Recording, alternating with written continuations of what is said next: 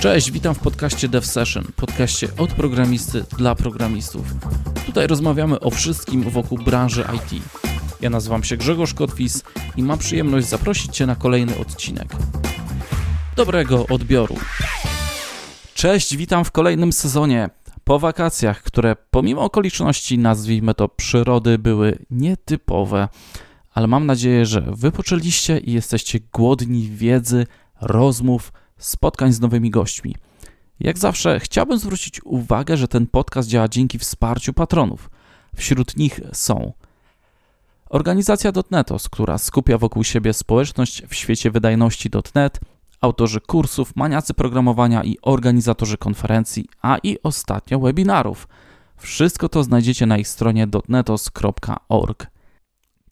Bartosz Adamczewski, prowadzący kanał Level Up, na którym to znajdziecie wiele wiedzy na tematy wydajnościowe, data-oriented design czy optymalizacji.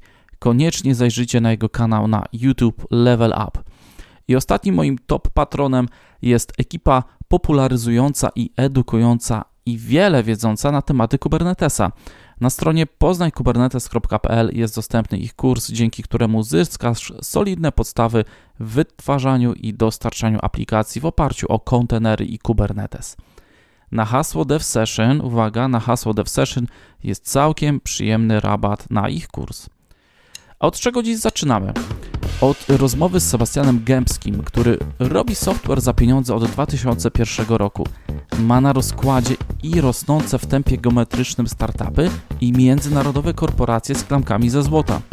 Pracował na trzech kontynentach, z czasem zmieniając tylko pagony: programista, analityk, architekt, potem menedżer i w końcu Executive VP Engineering CTO. Zawodowo urodził się C++, ale szybko zaadoptował go wychodzący wtedy z bety.net. Z czasem przeszedł w pełny poliglotyzm technologiczny, ale nie ukrywa miłości do Elixira jako języka i BIM jako platformy. Kodu produkcyjnego już nie pisze, służy swoim doświadczeniem pracującym ze mną zespołom, żeby wymiatały tak, że głowa mała. Jeśli chodzi o preferowane metody pracy, to stawia na głowologię, samodzielne myślenie, ale na co dzień mocno podpiera się też pryncypiami Lean. Oprócz tego jest wyznawcą teorii, że erupcja popularności Scrama zabiła design, czyli projektowanie aplikacji, więc próbuje go wskrzeszać, posiłkując się tym, co najlepsze z DDD. Maniakalnie rysuje diagramy na każdej wolnej powierzchni, nałogowo czyta w dużych ilościach i regularnie bloguje na No Kill Switch Ghost.io. Link będzie w notatkach. Słuchajcie, zapraszamy na pierwszą w tym sezonie rozmowę. Dobrego odbioru. Cześć Sebastian. Cześć Grzegorz, witam Ciebie, witam Twoich podcastosłuchaczy. Dzięki bardzo za zaproszenie do nagrania tego odcinka. Ja również Tobie dziękuję e, za przyjęcie zaproszenia e, do podcastu. E, nie powiem, że jakoś tak wiesz, polowałem na ciebie, a muszę Sebastiana upolować, ale jak przyszedł temat mi do głowy lider, to ja wiedziałem po prostu, gdzie uderzyć do konkretnej osoby. Także cieszę się, że jesteś tu dzisiaj z nami. Fajnie, to jest też temat, który jest mi osobiście bliski. To jest temat, e, na który trochę pisałem, o którym trochę mówiłem, więc fajnie będzie jeszcze raz podzielić się jakimiś swoimi przemyśleniami na ten temat. Sebastian, zanim przejdziemy do tego głównego tematu, chciałbym troszkę cofnąć się w czasie, gdzieś do lat no nie wiem, nie pytamy o wiek. Podejrzewam, że to było daleko przed latami 2000 czy 90. Jak pierwszy raz gdzieś dobrałeś się do jakiegoś komputera? Jak wyglądały te twoje początki e, z IT, może z grami, może z jakąś zabawą? Jak to wyglądało u ciebie? Gdybym się tak miał cofnąć do tego pierwszego razu, e, to podejrzewam, że to była jakaś taka bardzo wczesna podstawówka strzelam jakąś powiedzmy drugą klasę. E, I akurat moment pamiętam całkiem dobrze, bo to byliśmy z wizytą mojej ciotki, która była mm, dyrektorem w szkole, w podstawówce i ona uczyła między innymi informatyki. A więc ja spędzając tam kilka dni, dorwałem się gdzieś do jakiejś książki na temat logo. Jeszcze totalnie nie miałem pojęcia w ogóle, co to jest, czy to jest taki język programowania, że jest jakiś żółw, jakiś coś rysuje. Po prostu starałem się zabić czas. No i mnie wciągnęło, wciągnęło mnie bardzo, więc de facto cały ten pobyt tam spędziłem przed komputerem, akurat był jakieś Atari 800 czy coś w tym stylu. E, I przeczytałem oczywiście tą książkę od deski do deski bardzo szybko i potem tłukłem to logo na wszystkie możliwe e, strony i kierunki. E, ja akurat bardzo lubiłem wszelkiego rodzaju matematyczne zadania, jakieś łamigłówki i tak dalej, więc w dosyć kreatywny sposób podchodziłem do tego, co z tym logo można robić. I czym to się skończyło? Znaczy skończyło się tym, że w sumie szybko mi się znudziło dlatego że stwierdziłem, że o kurczę, no fajne, fajne, ale wyczerpałem jakby możliwości, które to logo dawało mi tak na pierwszy rzut oka e, i to tylko spowodowało większy głód, jakby głód tego, że okej, okay, no to jest fajne, to jest taka fajna zajawka na początek, ale chciałoby się więcej. No i potem to już poszło. Oczywiście namówienie rodziców na własny komputer, a to akurat było Commodore C64, przy czym ja powiem szczerze, że grać również grałem, natomiast robiłem różne bardzo dziwne rzeczy, bo nawet programowałem w assemblerze na tego Commodora a więc ta moja ścieżka powiedzmy nie była taka najbardziej standardowa. No i potem to już poszło. Ja dosyć szybko wiedziałem, że to jest to, co chcę w życiu robić, to jest to, co mnie e, kręci, to jest to, co lubię, więc już byłem zdeklarowany na ścieżkę zawodową, można powiedzieć, w połowie podstawówki. No to zdecydowanie e, szybko i nie miałeś żadnej e, przerwy, kryzysu, można takiego powiedzieć, że, że na chwilę to porzuciłeś gdzieś, nie wiem, poszedłeś będę teraz na rowerze jeździł cały czas, to tak rzeczywiście było od tego wieku młodzieńczego? Wiesz co, to jest tak, że zawsze trafiałem na kogoś, kto dzielił tą pasję. Więc w podstawówce byli też koledzy, których też takie rzeczy totalnie kręciły. Potem w szkole średniej poszedłem do klasy o, o odpowiednim profilu, czyli o, czyli o takim profilu, profilu komputerowo-informatycznym. No i to już cały czas, wiesz, było paliwo, które dodatkowo podsycało tą pasję i nie było wyjścia, nie było żadnej dyskusji, także mm, ja doskonale wiedziałem już, gdzie pójdę na studia jeszcze zanim przyjdę do szkoły średniej, co może tak brzmieć troszeczkę e, śmiesznie, natomiast no takie są fakty.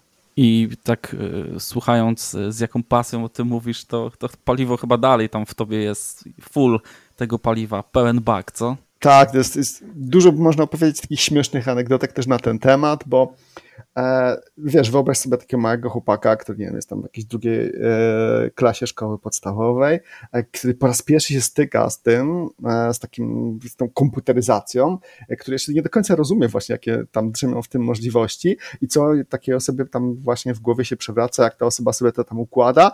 Ja pamiętam taką bardzo zabawną właśnie tej, do, dodatkowy czynnik, który tylko jeszcze mnie nakręcił na to.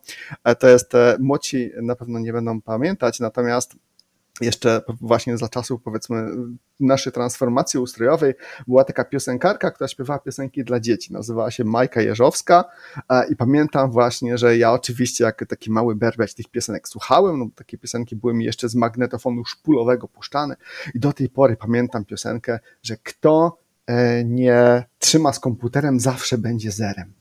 Ja pamiętam, że będąc takim małym chłopcem, to się z tym strasznie przejmowałem, dopóki jeszcze tego komputera nie dotknąłem, no bo ja nie mam tej możliwości, a tych komputerów nigdzie dookoła nie ma, co to w ogóle jest ten komputer i tak dalej. Więc e, do tej pory się właśnie śmieję, że to był taki dodatkowy utwierdzający mnie w przekonaniu, że warto z tymi komputerami mieć coś wspólnego, e, bodziec, który tak, tak mi utkwił, że do tej pory jeszcze gdzieś tam siedzi w głowie.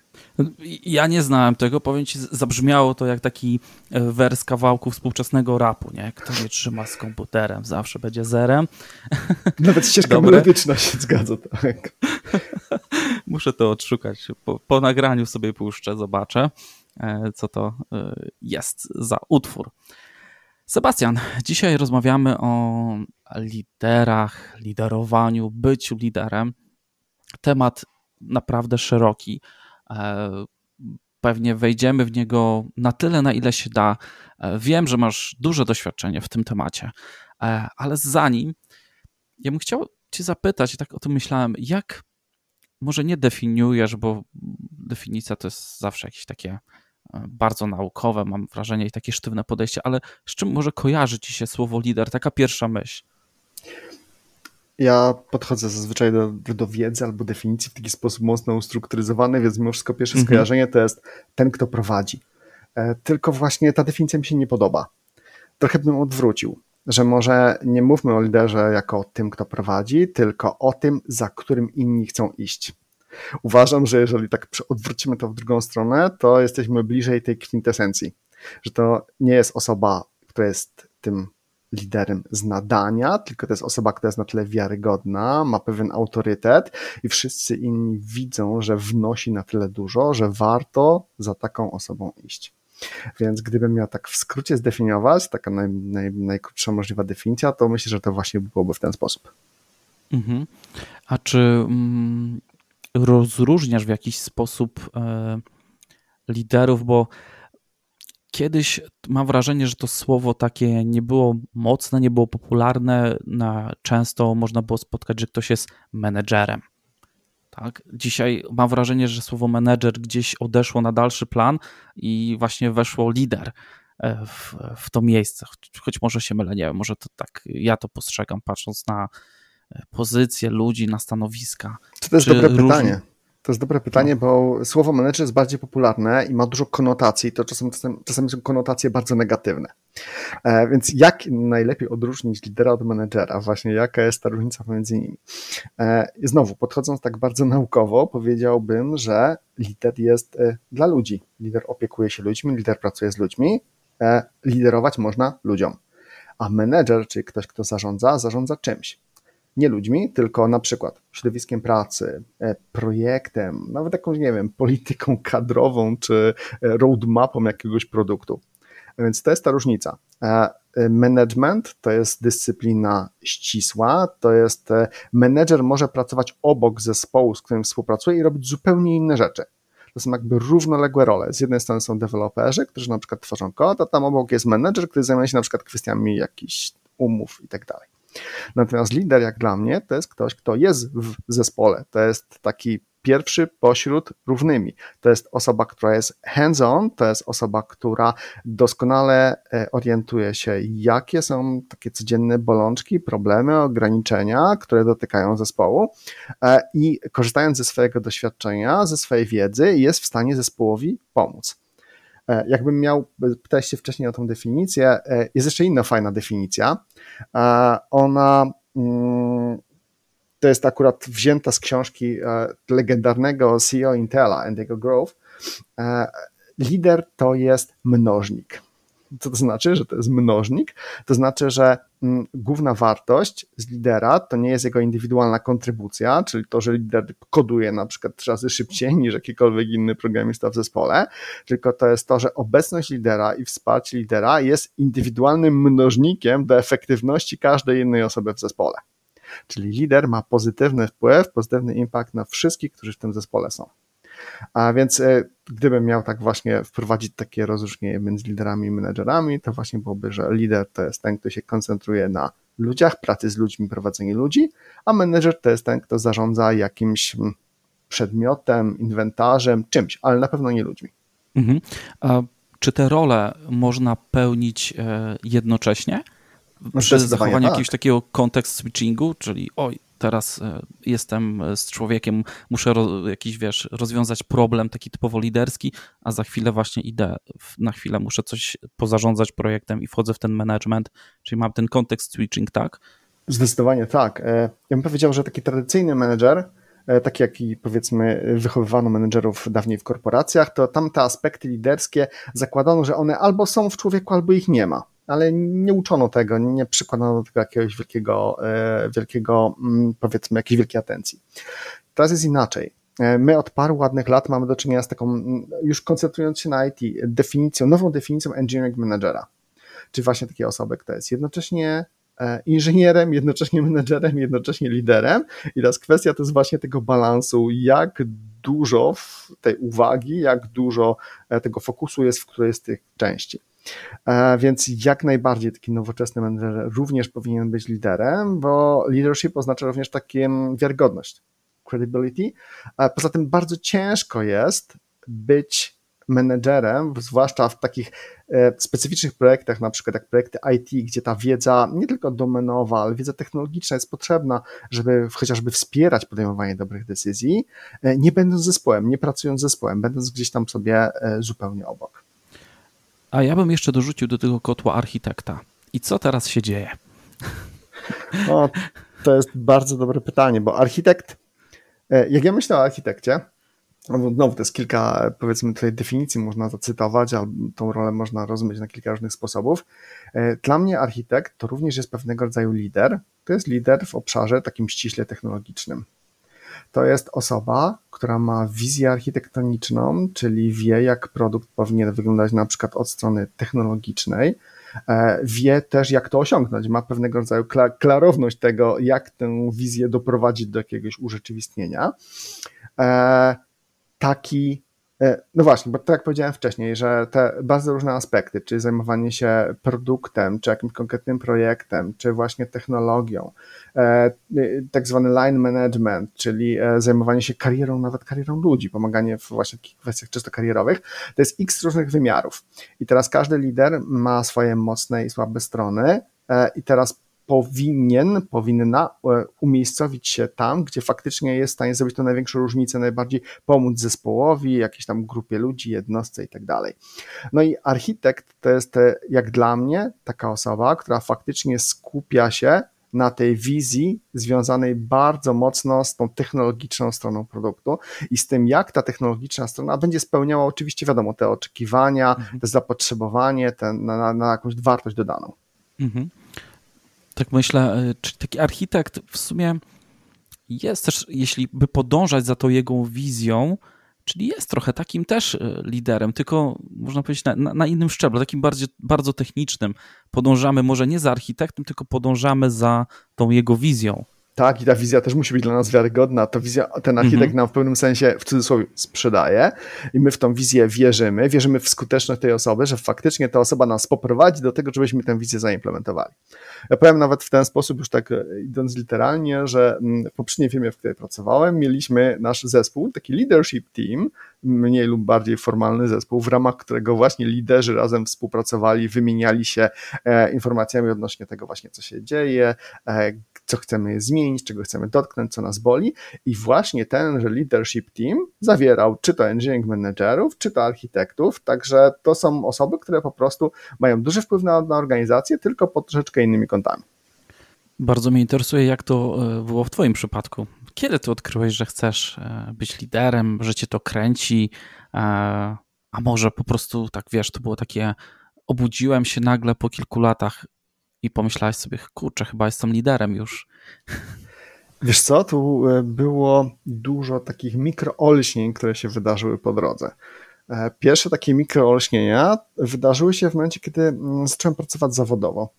E, no bo ja, tak jak mówiłem wcześniej, informatyką, ogólnie programowaniem zajmowałem się od zawsze, to była po prostu moja pasja, więc e, zawsze też miałem sobie całkiem spore mniemanie, że po prostu jestem w te klocki niezły. Przez studia udało się jakoś bardzo fajnie przelecieć, bo była pierwsza praca zawodowa, jeszcze wtedy nawet studiów nie skończyłem, kiedy zacząłem pracować. No i myślałem, że ja teraz zawojuję cały świat wszystko umiem, wszystko wiem, wszystko jest dla mnie oczywiste. E, I wtedy okazało się, że wpadłem do niewielkiej firmy, teraz nazwalibyśmy ją startupem, natomiast to był 2001 rok, to jeszcze słowo startup chyba nie funkcjonowało w takiej przestrzeni publicznej. Natomiast po prostu wtedy napotkałem na swojej e, drodze zawodowej ludzi, takich prawdziwych mentorów, od których naprawdę mogłem się dużo nauczyć, wiele skorzystać, którzy potrafili mnie rozwinąć, nie robiąc za mnie jakąś robotę, albo nie mówiąc mi literalnie, że zrób A, B, C, D. Nie, na przykład e, zadając mi dobre i celne pytania. Dlaczego to, to zrobiłem? Czy nie uważam, że na przykład e, w to zwiększyło jakieś konkretne ryzyko, albo że to w pewnym momencie wybuchnie, albo e, czy myślę, że to jest testowalne? A jeżeli to jest testowalne, to jak chciałbym to sprawdzić i wytestować? To były osoby, które po pierwsze miały pewien dryk właśnie do takiego mentorshipu, po drugie, to były osoby, które niczym się nie chwaliły, one nie, prezent, nie zabiły mnie jakimś swoim wielkim CV albo listą swoich dokonań, po prostu obserwując je po dosłownie dwóch, trzech dniach, ja już wiedziałem, jak wiele mogę skorzystać od takiej osoby się nauczyć i że jak ta osoba mówi, to ja powinienem słuchać, bo prawdopodobnie jak będę słuchał tak aktywnie i faktycznie starał się zrozumieć, co ta osoba mówi, to tylko na tym skorzystam.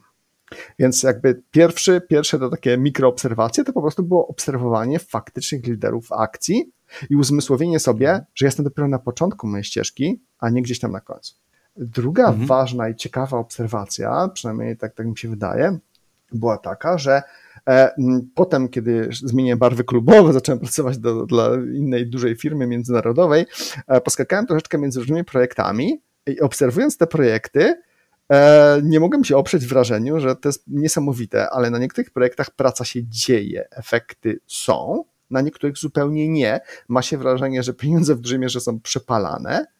I teraz zrozumienie tego, dlaczego czasami ta praca jest efektywna, zespół jest zmotywowany, wszystko świetnie idzie do przodu, mimo tego, że to jest jakaś mniejsza grupa ludzi, a w drugim przypadku to jest jakaś bardzo duża grupa ludzi, która teoretycznie mogłaby zrobić jakieś niesamowite rzeczy, ale tam wszystko się ślimaczy i praktycznie nie posuwa do przodu. Więc zrozumienie, w ogóle zastanowienie się najpierw nad przyczynami tego, dlaczego tak jest, bardzo wiele mi dało. Ja to sobie mm, nazwałem e, e, taką moc sprawczą organizacji, to akurat można znaleźć na, na, na moim blogu, jako ability to execute, taka zdolność do e, zamiany planów, czy zamiany jakiejś wizji w czyn. I po prostu stwierdziłem w pewnym momencie, że to jest bardzo istotne, że to jest bardzo zależne od tego, czy faktycznie są takie osoby, które umieją opanować chaos, ukierunkować wysiłek, które umieją, tak jak to nieładnie powiem po angielsku, zelajnować również priorytety wszystkich, tak żeby każdy się realizował w tej swojej codziennej pracy. Jeszcze powiedziałbym, że jest taki trzecia rzecz, która była takim dosyć dużym przyczynkiem do tego, żebym ja o sobie też myślał właśnie jako, jako o, o potencjalnym liderze, czy jako o kimś, kto powinien w sobie też taką, taki, taki skillset wykształcić, to był taki pierwszy moment, kiedy mi pękła doba. Co to znaczy? E, powiedziałem wcześniej, że e, jakby nigdy nie byłem specjalnie skromną osobą i zawsze uważałem, że po prostu wszystko jestem w stanie zrobić. To jest tylko kwestia tego, jak dużo nocy zarwę, jak dużą część nocy zarwę. I w pewnym momencie tak zarywałem, zarywałem, zarywałem, zarywałem noc, aż się noc skończyła. E, I wtedy byłem w lekkim szoku, no powiem szczerze, byłem w lekkim szoku, że no to, to, to, nie to, że trafiłem gdzieś na jakiś problem, który mnie jakoś przerastał. Nie, po prostu fizycznie moje, moja prędkość nawalania w klawiaturę, moja prędkość tam generowania kolejnych klas i tak dalej była niewystarczająca, więc musiałem wymyślić nowy sposób na przeskalowanie siebie nie skalowanie siebie w górę, nie wspomaganie się, nie wiem, środkami farmakologicznymi, tylko skalowanie siebie wszerz. Czyli właśnie, jeżeli chcę dużo zrobić, jeżeli chcę mieć moc sprawczą, jeżeli chcę faktycznie coś osiągnąć, robić coraz ciekawsze, coraz trudniejsze projekty, to nie mogę tego robić sam, muszę zbudować zespół. No i potem dopiero przekonałem się, jak to jest trudne, jak trudne jest, e, bo zespół to nie są po prostu ludzie, którym się mówi zrób A, B, C, D, E to są ludzie, którzy no, muszą umieć z tobą współpracować, ty musisz umieć z nimi współpracować e, i musisz ich troszeczkę porwać do tej swojej wizji, którą reprezentujesz i chcesz zrealizować, a nie po prostu założyć, że oni jak bezmyślne drony zrobią cokolwiek, o co ich poprosisz. No i tak sobie poskładałem te wszystkie swoje obserwacje, i, I moja puenta była taka, że no, ja chcę, jestem ambitny, więc chcę robić rzeczy efektywnie chcę coś osiągnąć, chcę się outscalować, chcę mieć tą większą, większą moc sprawczą, a i wtedy po prostu doszedłem do wniosku, że okej, okay, no bycie na przykład takim hardkorowym, 100% architektem, który tylko i wyłącznie jakby wymyśla coraz bardziej optymalne rozwiązania i tak dalej, jest super fajne, ale jednak bycie, bycie tym liderem, który zogniskuje te wysiłki większej grupy ludzi, żeby się z tego urodziło coś niesamowitego, jest jeszcze fajniejsze. No i tak to, tak to po prostu wyszło. Mhm. E, czy uważasz, że ta ambicja, e, którą masz w sobie, to jest taki niezbędny składnik do bycia dobrym liderem? Czy w jakichś bardzo sprzyjających środowiskach, warunkach można, może wystarczy troszkę mniej i, i ten lider wypłynie i, i działa coś w organizacji? Wiesz co, ja myślę, że ambicja jest bardzo ważna. Nie, to, to, nie musi, koniecznie musi być ambicja taka, która zżera i spala człowieka. To, to, to nie musi być ambicja, która jest chora, ale jeżeli chodzi e, o bardzo fajne przykłady, na które się można powołać, żeby odpowiedzieć na Twoje pytanie, to nie wiem, czy kojarzysz, ale kilka miesięcy temu na Netflixie zadebiutował taki serial dokumentalny, e, w, właśnie nakręcony przez Netflixa pod tytułem The Last Dance. E, to jest serial o drużynie Chicago Bulls, o ich finalnym sezonie, w którym zdobyli ostatnie mistrzostwo razem z Michaelem Jordanem. E, no i tak można by sobie zadawać pytanie, co to ma wspólnego z leadershipem. To po prostu świetna mm. drużyna sportowa, niesamowici sportowcy, najlepszy koszykarz wszechczasów. E, ja sobie obejrzałem ten dokument, obejrzałem sobie cały ten serial e, i miałem zupełnie inne wyobrażenie na temat Jordana wcześniej. Po prostu wydawało mi się, że to fenomenalny sportowiec, że to jest ktoś, kto porywa tłumy, ale tak samo w pewnym sensie uzupełnia niedostatki zespołu i tak dalej. I oczywiście to wszystko jest prawdą, bo to był fenomenalny sportowiec, natomiast trzeba pamiętać o tym, że koszykówka jest sportem zespołowym. Michael Jordan, chcąc osiągnąć to, co osiągnął, nie wystarczałoby, żeby on był najlepszym koszykarzem na przykład na swojej pozycji, ale musiał również porwać za sobą zespół, bo rywalizowało w najlepszej koszykarskiej lidze świata. I ten serial jest właśnie głównie o leadershipie. On jest o tej ambicji, bo zapytałeś się konkretnie o ambicje i o tym, że e, ten zespół by nie zadziałał, Chicago Bulls nie osiągnęliby tego, co osiągnęli, gdyby inni zawodnicy również tej ambicji nie współdzielili i nie godzili się na to, jak Jordan popychał ich do przodu. Bo Jordan bardzo wiele wymagał od siebie, ale bardzo wiele wymagał również od zespołu, czasami nie oszczędzając w słowach, czasami mhm. będąc wręcz, no niektórzy powiedzieliby gdzieś tam na granicy pewnej toksyczności. Tam bodajże w, chyba w trzecim odcinku od końca jest po prostu fenomenalna taka trzyminutowy kawałek tego odcinka, gdzie jest mowa dokładnie, konkretnie o tym, że oni go czasami nienawidzili, oni w sensie współgracze z zespołu, to jak daleko on ich popycha, jak, dale, jak on zmusza ich do tego już nie to, żeby wychodzili ze swojej tej strefy komfortu, ale żeby przekraczali swoje własne granice po to, żeby wszyscy razem byli najlepszym zespołem.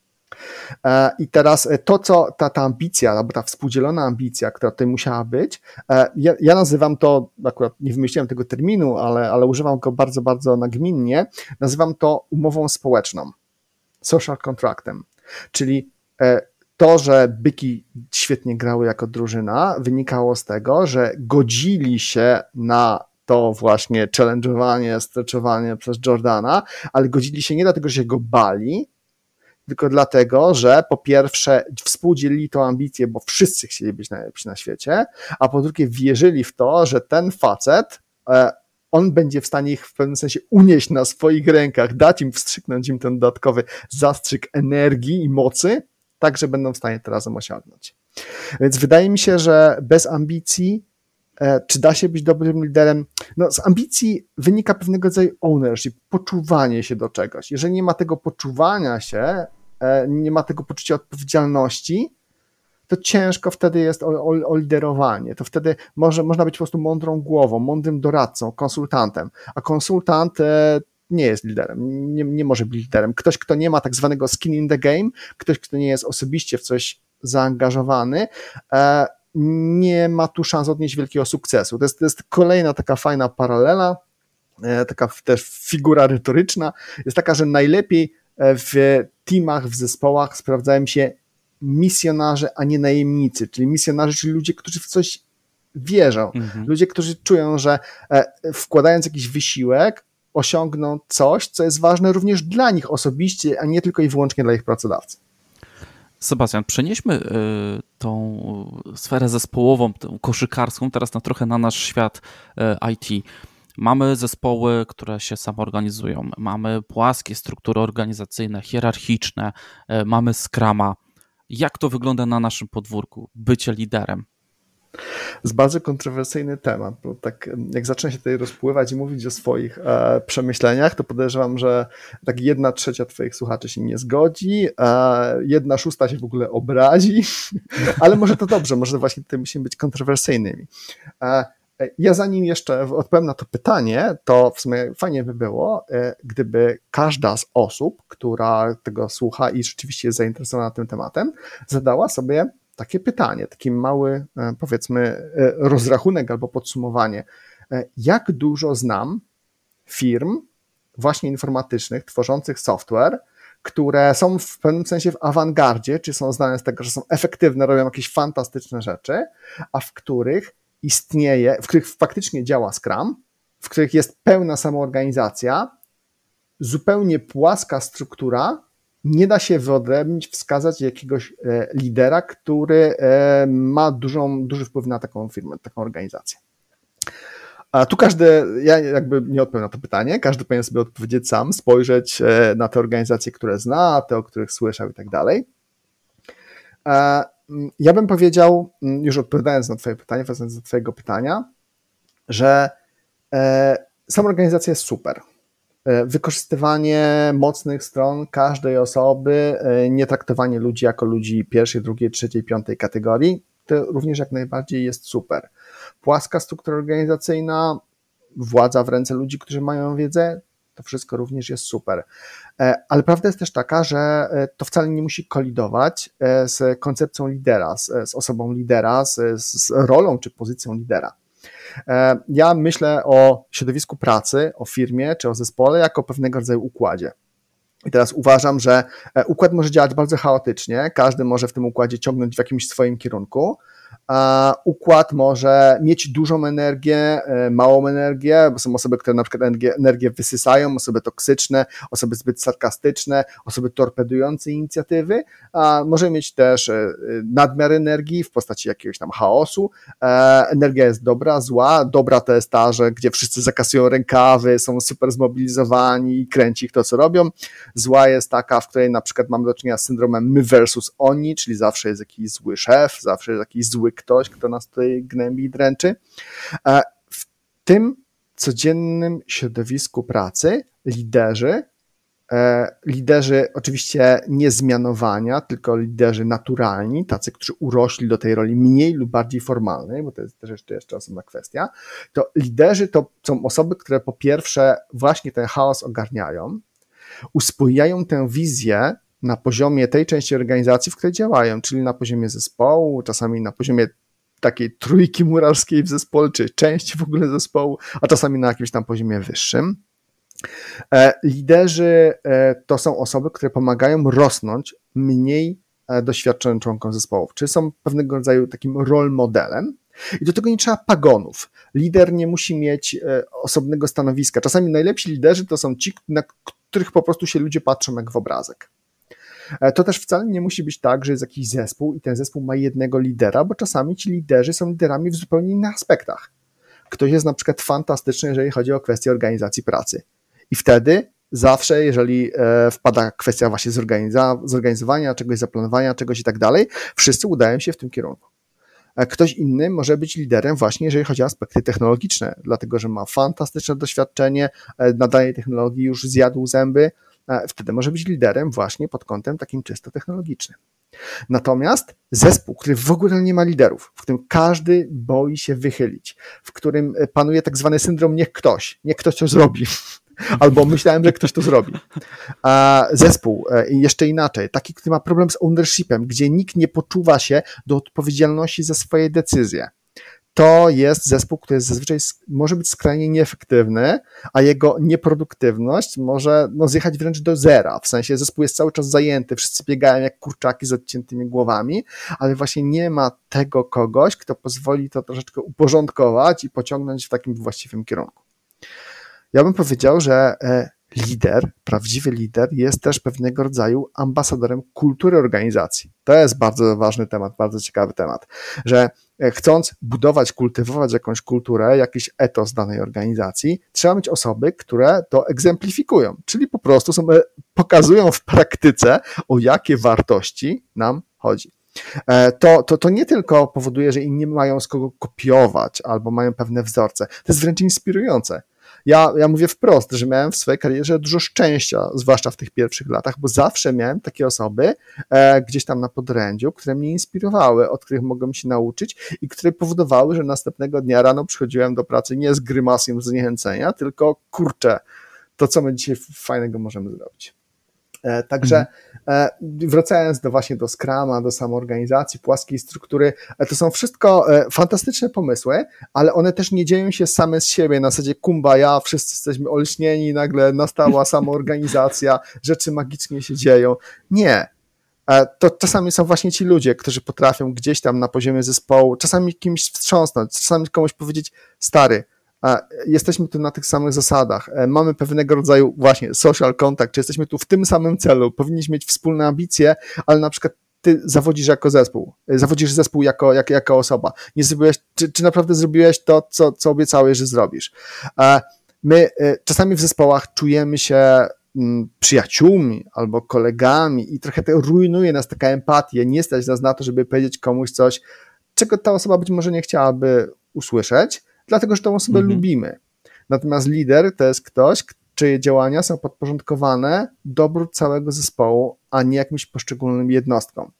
Teraz w związku z tym, jak dla mnie liderzy, to jest e, ich, ich, ich rolą, ich pracą, to jest taka praca u podstaw, pozytywistyczna praca u podstaw, gdzieś tam właśnie pomiędzy ludźmi, nawet jest taki cytat, e, to jest akurat cytat z literatury fantastycznej, ale mi się bardzo podoba, więc też go często używam, że jeden sierżant jest wart trzech generałów. Więc jeden taki lider polowy, który gdzieś właśnie w zespole e, pokazuje ludziom te, te, te wartości, których, które jako zespół przynajmniej teoretycznie chcieliby właśnie kultywować i ma ten pozytywny wpływ na co dzień na tych juniorów, czy na tych innych powiedzmy mniej doświadczonych członków organizacji, to jest osoba wręcz bezcenna e, i ta osoba jest w stanie tak mieć taki pozytywny wpływ na inne osoby, ten tak zwany empowerment, że dopiero wtedy dzieje się taka prawdziwa samoorganizacja. Dopiero wtedy te pozostałe osoby również zaczynają się poczuwać e, i czują, że to nie jest tak, że one się teraz wychylą i wyjdą na głupka, tylko że jak się wychylą, to po prostu staną u boku tego lidera i razem będą mogli zrobić coś fantastycznego. Wiesz, przyszła mi taka myśl, popadło e, słowo kilka razy już tak wiarygodność. Na ile lider musi być transparentny, aby był wiarygodny? Czy zawsze lider musi przyznać się do popełnionego jakiegoś błędu? Jak to wygląda? Jak ty, co ty myślisz? To jest bardzo dobre pytanie.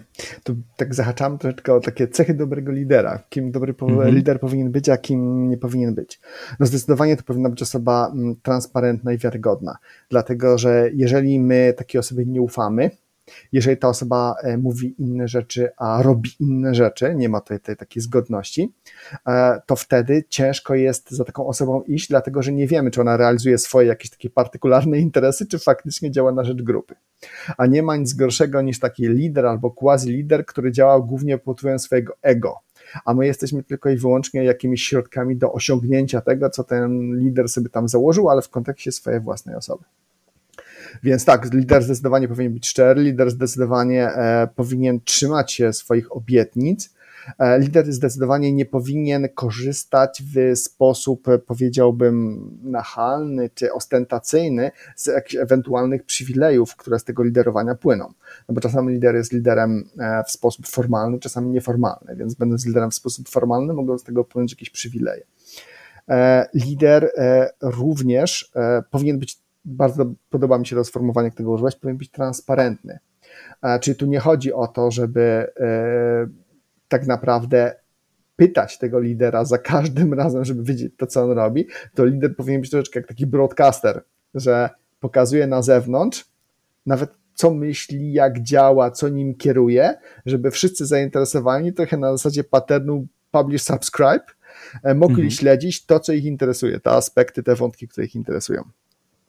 E, więc jak najbardziej się z tą zgadzam pod tym, pod, pod tym względem tutaj, żeby też nie, nie, chcę ci słodzić za bardzo, ale właśnie e, o tej transparentności, pokazywaniu na zewnątrz, ty prowadzisz od wielu, wielu lat bloga. Ja pamiętam, że jak ja wchodziłem do IT, gdzieś tam się zahaczyłem i za, wpadałem na twojego bloga, on był dla mnie, e, przyznam szczerze, niezrozumiały. W sensie dla mnie to było za wcześnie na, na ten poziom wiedzy.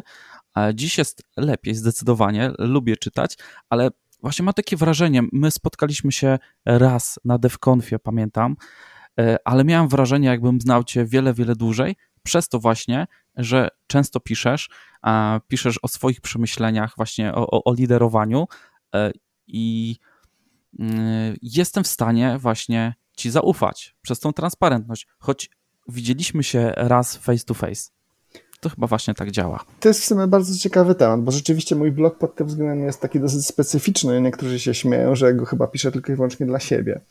Bo to rzeczywiście jest e, taki mój trochę notatnik, gdzie faktycznie spisuję swoje jakieś przemyślenia, uwagi, z którymi potem sam często polemizuję, albo się nie zgadzam, albo które skreślam e, po, po, latach.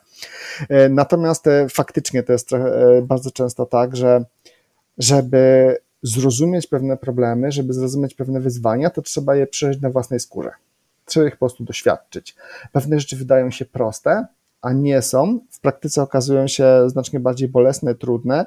E, jak to już mawiałem klasycy, e, w całym tym tworzeniu oprogramowania, to technologia to jest najprostsza rzecz. Najtrudniejsze to jest ten tak zwany czynnik białkowy, czyli właśnie współpraca z ludźmi. E, I to, mm, to są bardzo trudne tematy, które nie da się ich nauczyć zupełnie teoretycznie. To jest coś, co trzeba przeżyć. Wszyscy jesteśmy sumami naszych doświadczeń, czyli tak naprawdę prawdziwe seniority e, jakiegoś inżyniera to oszacowuje się, licząc jego blizny na plecach, czyli co tak naprawdę przeżył, jakie błędy popełnił i oczywiście jakie wnioski z tego wyciągnął. E, I faktycznie e, bardzo dużo tych tematów, które ja poruszam, to są tematy związane z leadershipem, mm, dlatego że no, według mnie tak jak mówiłem wcześniej, to jest jeden z tych składników niezbędnych, żeby organizacja była skuteczna. E, to jest Zresztą e, wystarczy się rozejrzeć w tak zwanym szeroko pojętym IT e, pośród tych najbardziej znanych, najbardziej popularnych czy najczęściej podziwianych organizacji. Każda z nich ma swoich liderów, każda z nich ma swoje wyraziste osobowości i e, wręcz często się mówi, że bez tych osób dana organizacja by nie istniała, albo nie odniosłaby sukcesu, albo nie byłaby tak wyrazista. Więc ja wiem, że być może część osób, kiedy na przykład zobaczyła e, ten tytuł Twojego odcinka e, podcastu, będzie jakiś liderach, czy menedżerach, czy kimś tam, to być może część osób była wręcz rozczarowana. Ale to jest temat nietechniczny. My byśmy chcieli posłuchać o zmianach w Kubernetesie 1.18 albo Angularze 10, 11 czy 12. E, natomiast wydaje mi się, że mm, gdzieś na jakimś na pewnym etapie, jeżeli jest się poważnym inżynierem, jeżeli traktuje się swoją przygodę z tworzeniem oprogramowania, nie na zasadzie po prostu czerpania jakichś przyjemności ze zgłębiania jakichś kolejnych syntaktycznych e, szczególików, tylko faktycznie chcąc budować dobre produkty, chcąc odnieść jakiś sukces komercyjny, albo chcąc po prostu móc się czymś pochwalić, czymś takim namacalnym. Ja nie mówię, że to musi być od razu jakiś wielki sukces finansowy, ale e, chcąc stworzyć coś niebanalnego, coś, co przekracza nasze możliwości jakoś, jako pojedynczej osoby, to każdy w jakimś sensie tym leadershipem powinien się zainteresować.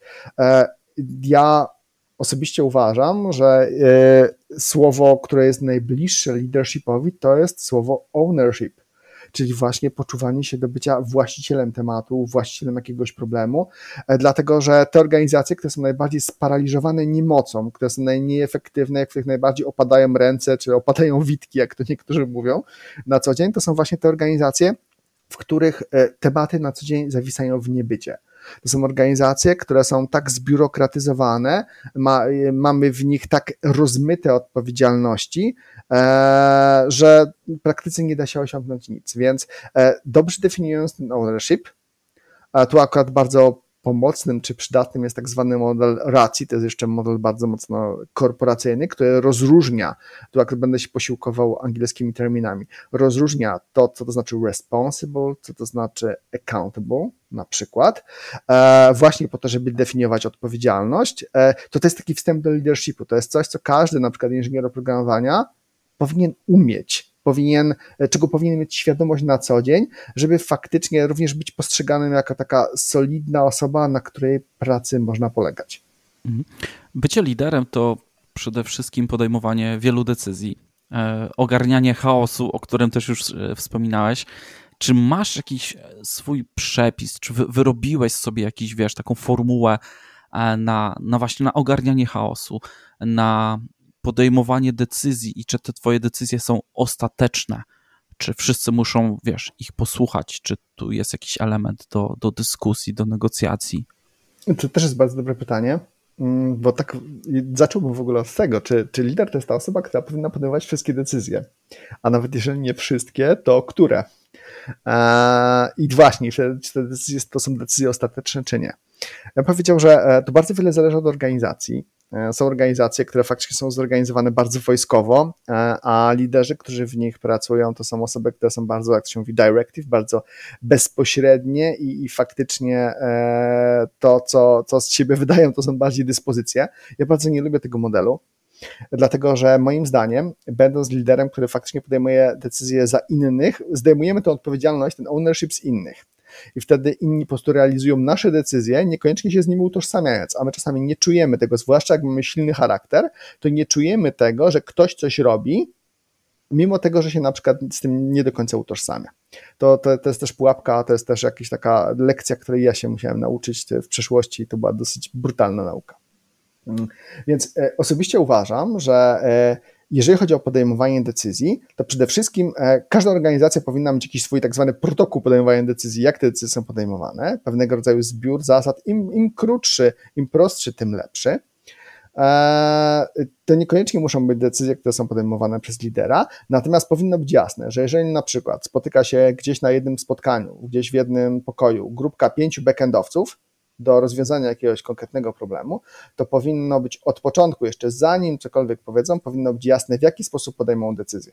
E, są organizacje, które stawiają nacisk na to, żeby to była tak zwana demokracja bezpośrednia, czyli że wszyscy muszą się na przykład na to zgodzić i tak dalej. No ja uważam, że to jest model akurat skrajnie nieefektywny.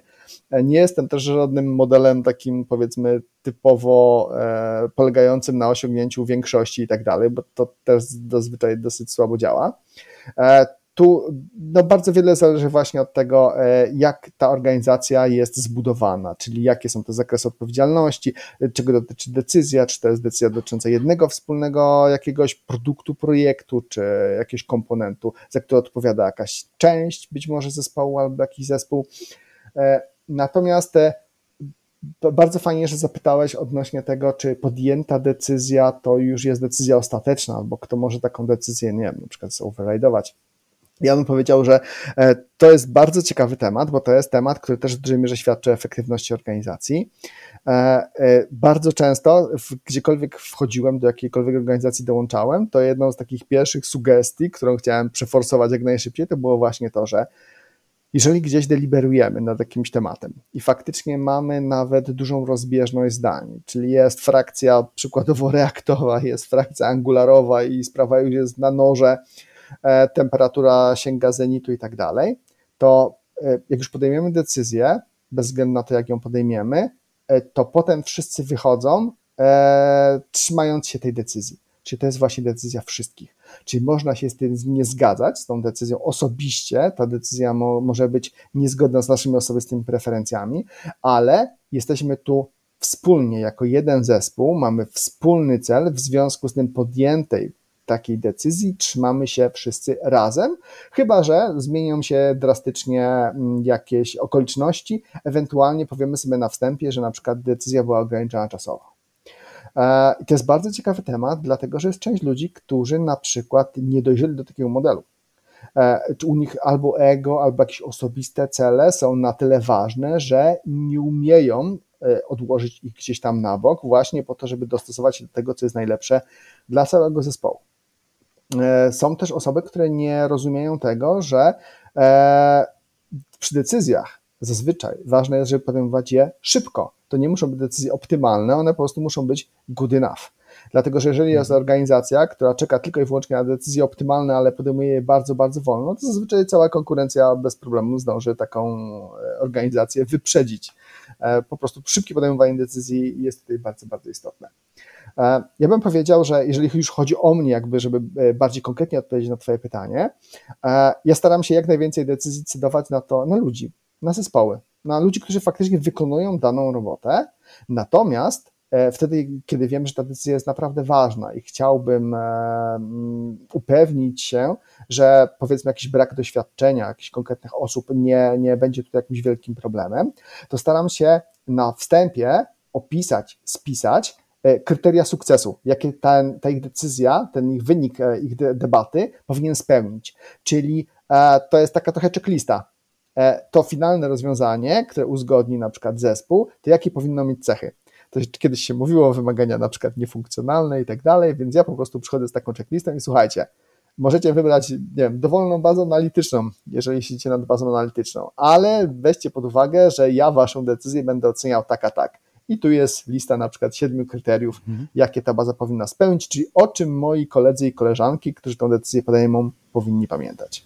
Hmm, a powiedz bardzo ciekawe rozwiązanie, czyli nie ma takiego bias, takiego, że przychodzisz i od razu mówisz, no musimy wybrać bazę analityczną, e, tu jest checklista, e, co ona musi jakby, jaki jest ten sukces, tak, do czego e, dążymy i nie podajesz im, że ale ja preferuję tą i tą, ale w sumie zostawiam wam do wyboru.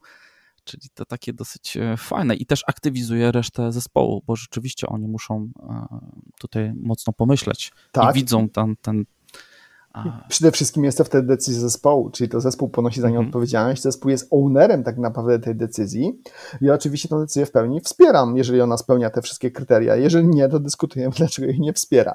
Natomiast uważam, że to jest fair, dlatego że e, po pierwsze wtedy zespół się mm, e, bardziej poczuwa również później.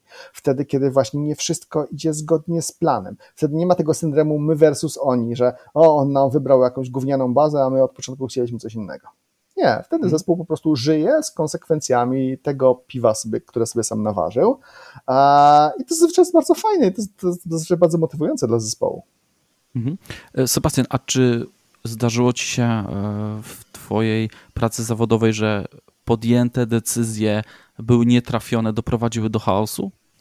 Wiesz co, to cały czas się trafiają decyzje, co do których e, powiedziałbym sobie po jakimś czasie, że można by je było zmienić, że można byłoby wybrać inaczej i tak dalej. Ale czy one doprowadzały do chaosu? E, do chaosu raczej nie, bo wydaje mi się, że kwestia kontroli chaosu to jest coś, co dzieje się równolegle, powiedziałbym, na drugim wątku.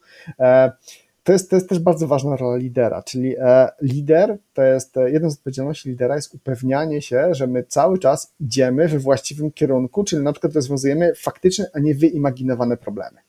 Albo, że dana dyskusja, jeżeli ona jest, to że ona ma szansę się skończyć. Że to nie jest tak, że my cały czas jesteśmy w nieskończonej pętli szukania dodatkowych opcji, e, czyli ten tak zwany diverging, face, natomiast nie umiemy potem tych opcji zacząć eliminować i skupić się na tym jakimś jednym rozwiązaniu, czyli nigdy nie wchodzimy w ten converging phase.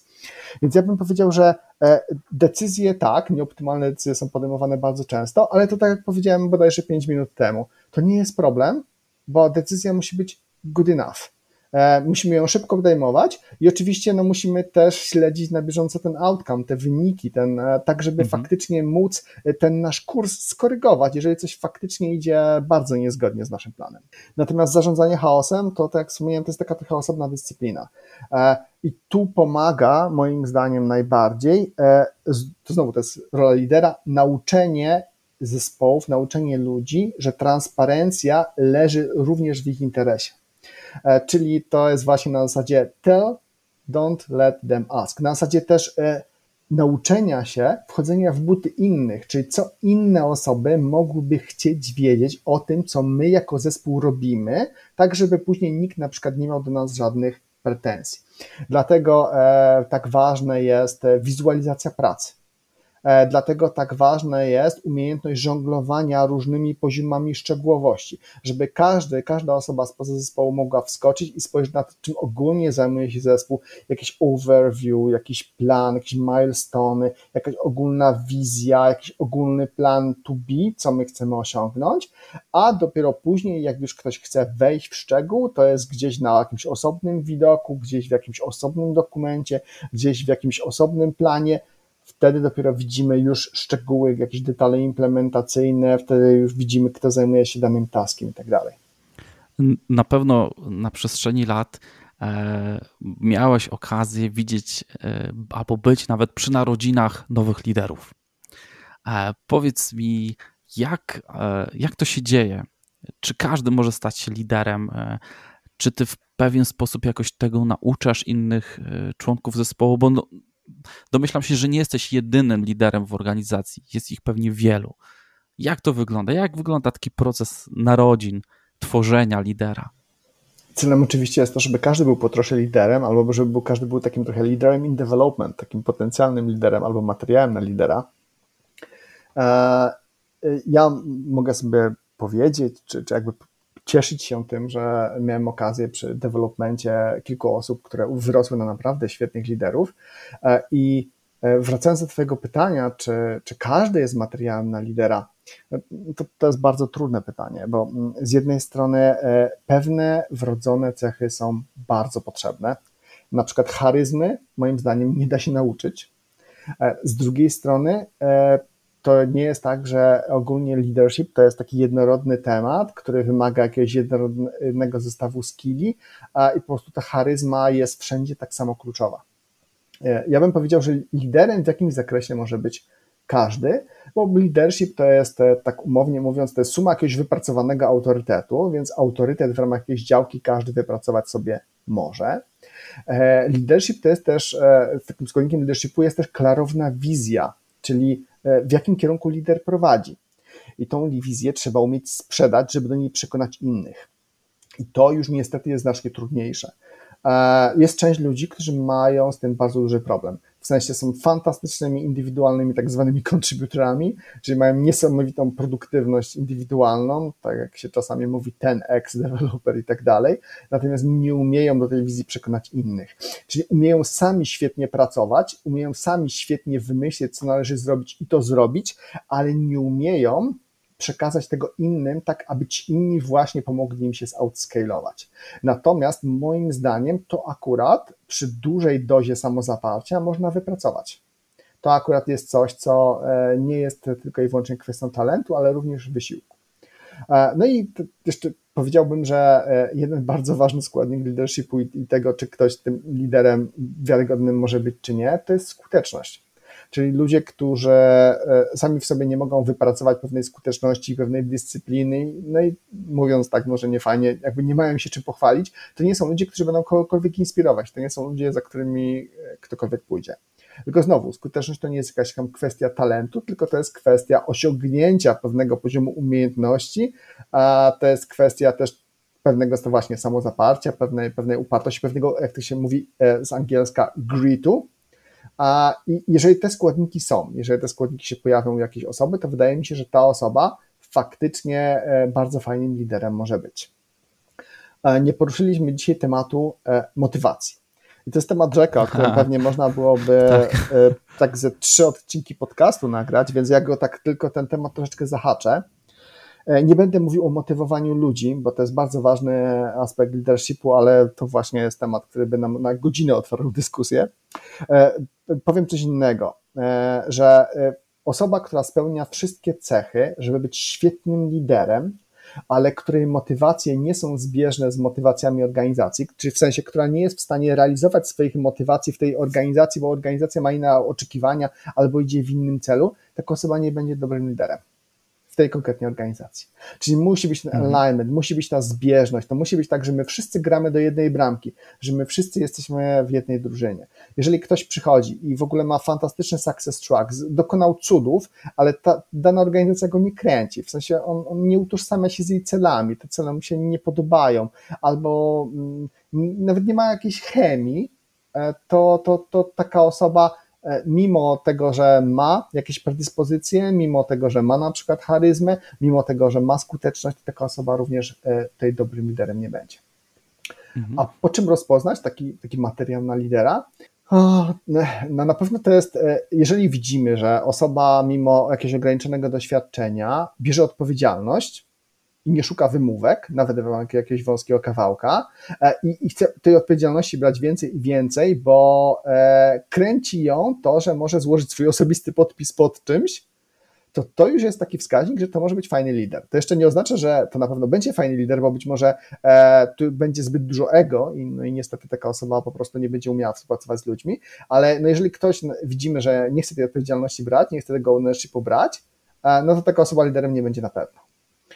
E, więc to jest jedna rzecz. E, druga rzecz to jest no, komunikacja i jednak współpraca z ludźmi. Czyli e, możemy sobie mówić, że są liderzy techniczni, że są liderzy produktowi i tak dalej, ale jednak bardzo głęboko wryte w tą rolę jest to outscalowanie siebie poprzez wyzwalanie w zespole, wyzwalanie w innych ludziach tego, co najlepsze.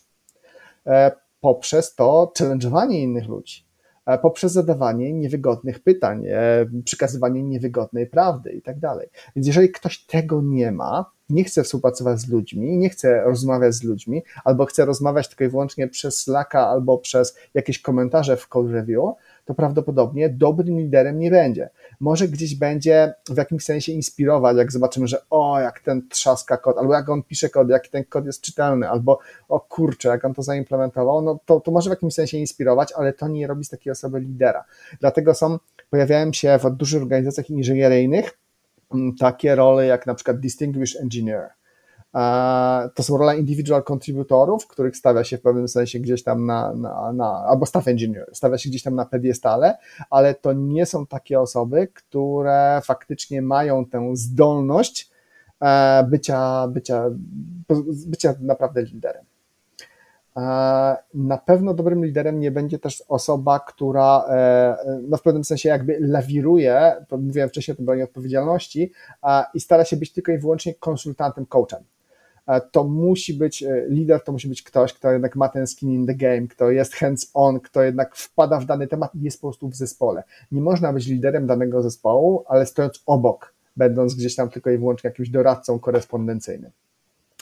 E, ja bym powiedział, że e, bardzo takim mm, ciekawym kryterium, ale trudnym do e, skwantyfikowania matematycznego jest również ta kwestia energetyczna, o której wspomniałem wcześniej.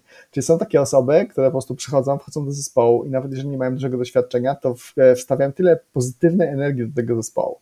E, mają takie let's do it attitude. Kurczę, zróbmy to. Tak, tutaj. Niekoniecznie muszą same wszystko organizować, ale po prostu mają naturalną tendencję właśnie do radzenia sobie z chaosem, do eliminacji z chaosu e, i nie boją się też zadawać pytań.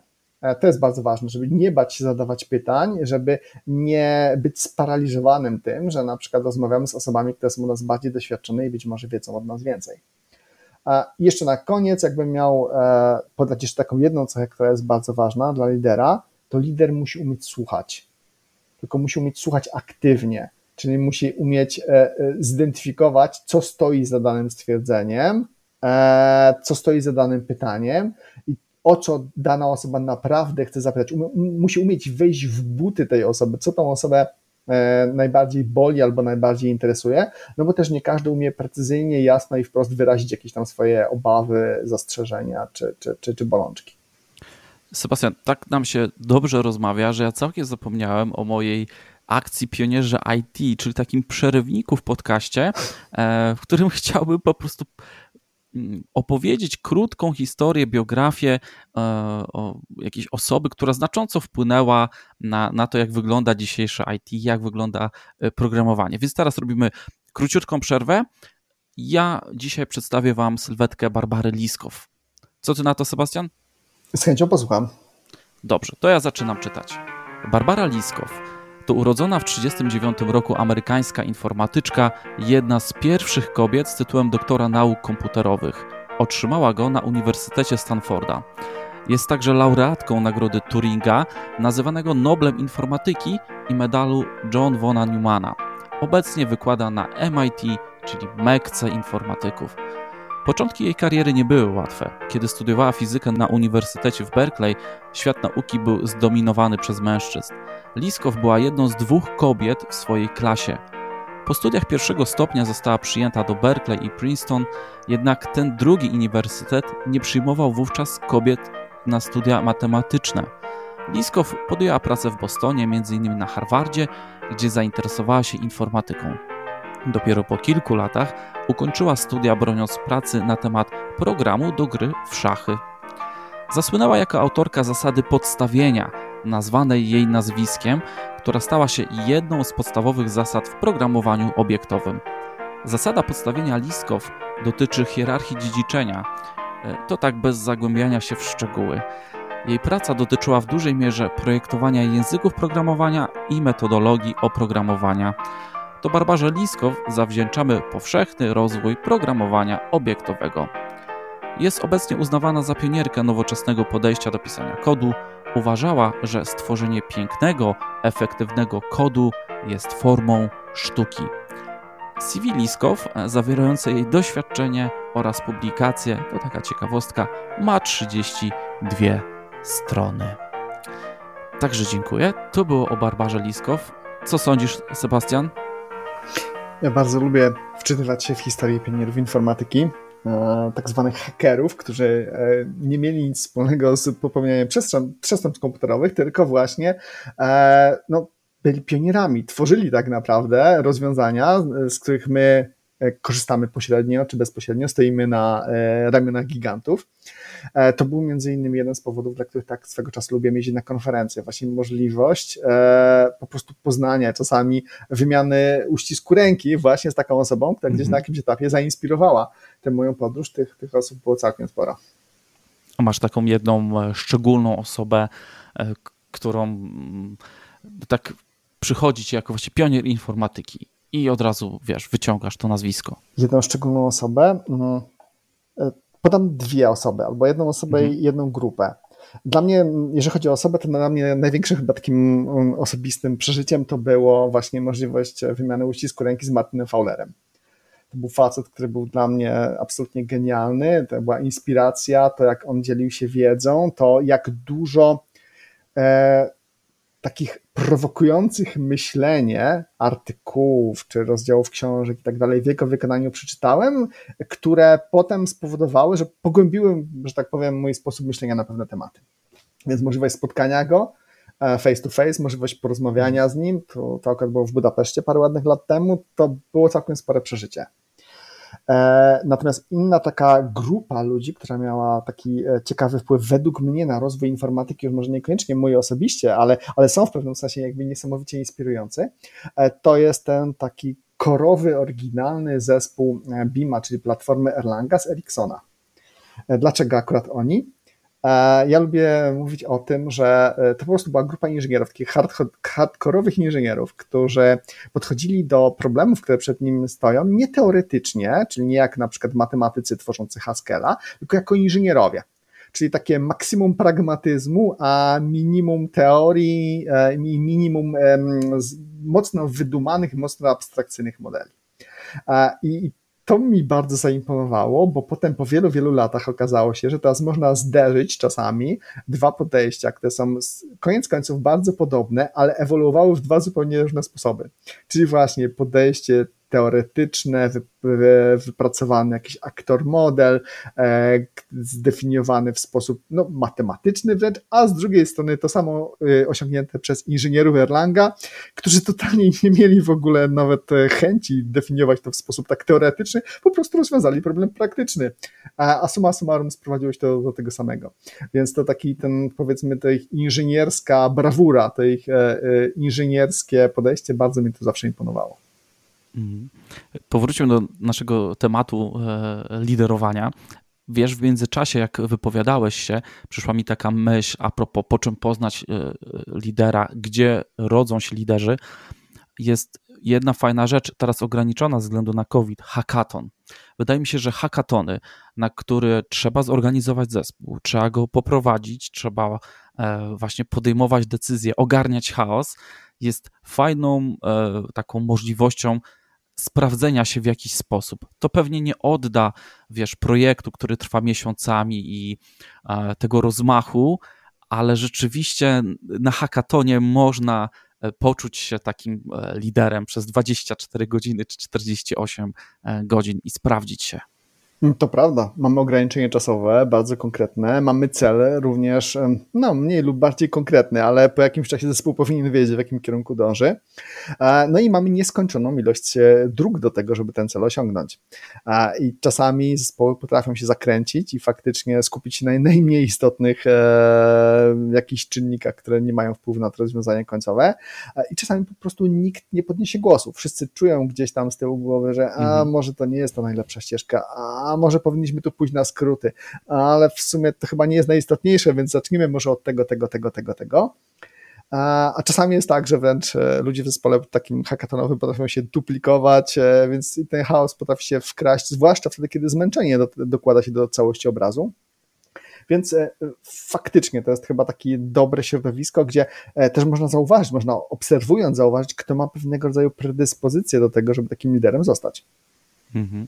No i, i w razie niepowodzenia, no jakby nie, nie, nie przegrywamy tam za dużo, no, jeśli już tak mam e, powiedzieć, tak, rozchodzimy się, fajnie się pobawiliśmy, czy spróbowaliśmy czegoś, nie, i no hard feelings, nikt tu nie będzie chyba hmm, płakał za bardzo, no okej, okay, może tak. nie zdobyliśmy nagrody, nie, ale, ale okej, okay, była fajna zabawa i sprawdziliśmy się w boju. Dokładnie tak. E, słyszałem takie sformułowanie jak lider służebny O co tu chodzi? Czy każdy lider powinien być służebny?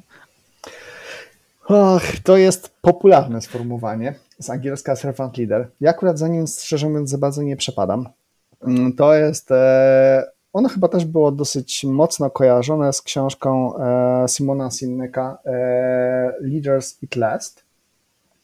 Lider służebny, myślę, że to sformułowanie miało przez pewien kontrast pokazać, że lider to nie jest pozycja z jakiejś hierarchii, to nie jest osoba stojąca, postawiona gdzieś na górze, której służą, dla której pracują te osoby, które, którym ten lider przewodzi.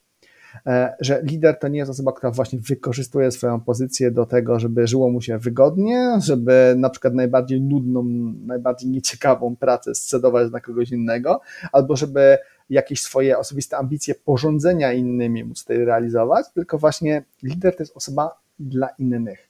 To jest osoba, która usuwa przeszkody z drogi innym. To jest osoba, która e, nie szuka e, jakichś powiedzmy osobistych korzyści, czy, czy, czy, czy nie szuka osobistych wygód, tylko e, bierze na siebie, bierze na klatę te wszystkie niedogodności, którym, no, albo największe niedogodności, którym, które stoją na drodze zespołu ja bym powiedział, że to jest bardzo szczytna definicja, to jest bardzo szczytna idea. Ja osobiście mam z nią pewien problem. I to nie dlatego, że moje ego tutaj stanowi jakąś wielką przeszkodę. Bardziej chodzi o to, że mm, lider faktycznie ma za zadanie wyciągnąć jak najwięcej e, ogólnie z całości zespołu, żeby zespół był jak najlepszy, wzmocnić te dobre cechy, pomóc niwelować te cechy najsłabsze, ale to jest tak, że mm, lider też niekoniecznie on jest dla zespołu. To jest tak, że lider i zespół, oni wszyscy razem są dla tego jednego wspólnego celu, który sobie zdefiniują. To jest ten social contract. Czyli jakby celem lidera to nie jest e, ułatwianie życia komukolwiek w tym zespole, bo to czasami właśnie nie chodzi o to ułatwianie życia. Czasami e, te relacje lidera z zespołem, no czasami na przykład trzeba z kimś wstrząsnąć, więc to, to, to, ta konieczność tego, że czasami trzeba kimś wstrząsnąć, to troszeczkę mi się kłóci z byciem tym serwantem, bo suma summarum, no chcemy czyjegoś dobra, chcemy na przykład dać komuś ten feedback, którego być może wszyscy inni obawiali się dać, bo na przykład nie chcieli ryzykować osobistych relacji. Więc my tu musimy to czasami zrobić. E, natomiast to nie do końca pasuje do tej definicji tego serwanta. E, E, mówimy o liderze jako osobie, która może być role modelem dla innych, czyli taką osobą, która jest inspirująca, z której inni biorą przykład i tak dalej, co by wskazywało, że lider to jest właśnie osoba taka, która jest zawsze kochana, wielbiona, natomiast no niestety realia są takie, że to jest czasami najbardziej samotna osoba w zespole.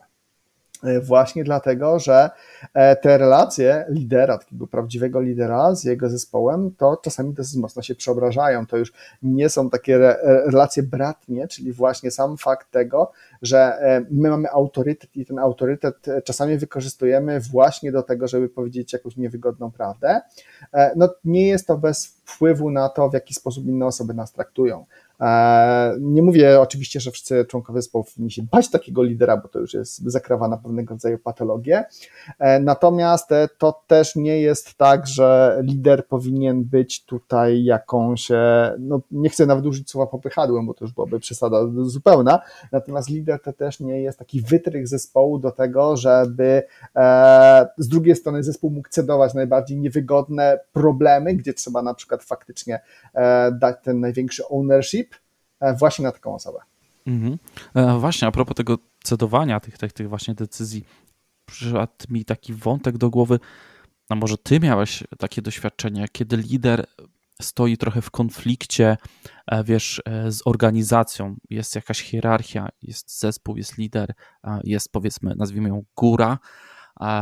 Jak takie sytuacje rzutują w ogóle na pracę takiego lidera, kiedy on musi przynieść jakąś złą informację, albo zespół właśnie ceduje na niego przekazanie wyżej jakiś, wiesz, e, że coś się tam wydarzyło niedobrego i chyba nieciekawe tematy, szczególnie ten konflikt.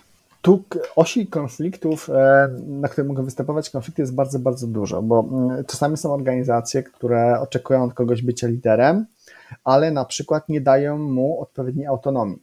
No bo e, chcąc brać za coś odpowiedzialność, to musisz mieć pewną autonomię, w ramach czego na przykład podejmowane są decyzje, prawda? To nie da się brać odpowiedzialności, ale z drugiej strony być e, bezradnym, dlatego że na przykład nie jesteś decyzyjny. Więc to jest taka jedna oś konfliktu. Druga oś konfliktu jest taka, że czasami po prostu na stanowisko lidera są mianowani, tu podkreślam słowo mianowani, mianowane osoby, które ani się dobrze z tym nie czują, ani nie chcą tego robić i robią to albo tego nie robią, trochę na zasadzie takiego passive aggressive, czyli że tytularnie to robią, ale tak naprawdę nie. E, I to tylko też prowadzi do, do zaognienia sytuacji, w sensie rozjazdu oczekiwań z rzeczywistością. E, inny taki przykład to jest sytuacja, w której mm, lider ma, albo czasami ma, czasami nie ma pewną moc sprawczą odnośnie tego, co może się wydarzyć w zespole, ale na przykład nie umie jej wykorzystać, czyli pojawiają się konflikty w zespole, pojawiają się tarcia, pojawiają się jakieś osoby, które właśnie mają problem ze swoim ego, albo czasami mają problem ze swoimi ambicjami, albo kierują się zupełnie innymi priorytetami. I czasami liderowi może zabraknąć konsekwencji, czy może zabraknąć zdecydowania, żeby taką sytuację rozwiązać. Po prostu z, jakby z wielką odpowiedzialnością e, e, no, przychodzi też, wielka władza przychodzi z wielką odpowiedzialnością, mhm. czyli no, czasami trzeba podjąć e, decyzję i wziąć właśnie za nie odpowiedzialność, co również nie jest proste. E, są też e, liderzy, przy czym nie wiem, czy właśnie nazywa, należy nazywać to wtedy liderami, e, osoby, które pełnią trochę rolę rzeczników pracowych zespołu. Czyli tak naprawdę takiego styku zespołu ze światem zewnętrznym. I rzeczywiście to jest wtedy tak, że to jest taka osoba, która czuje, że no to teraz wszystko co złe, to niestety ja muszę przekazać gdzieś tam na zewnątrz, albo jak komunikować, to ja gdzieś tam muszę na zewnątrz, a w sumie nie mam ochoty, a w sumie nie czuję się z tym dobrze i tak dalej, i tak dalej.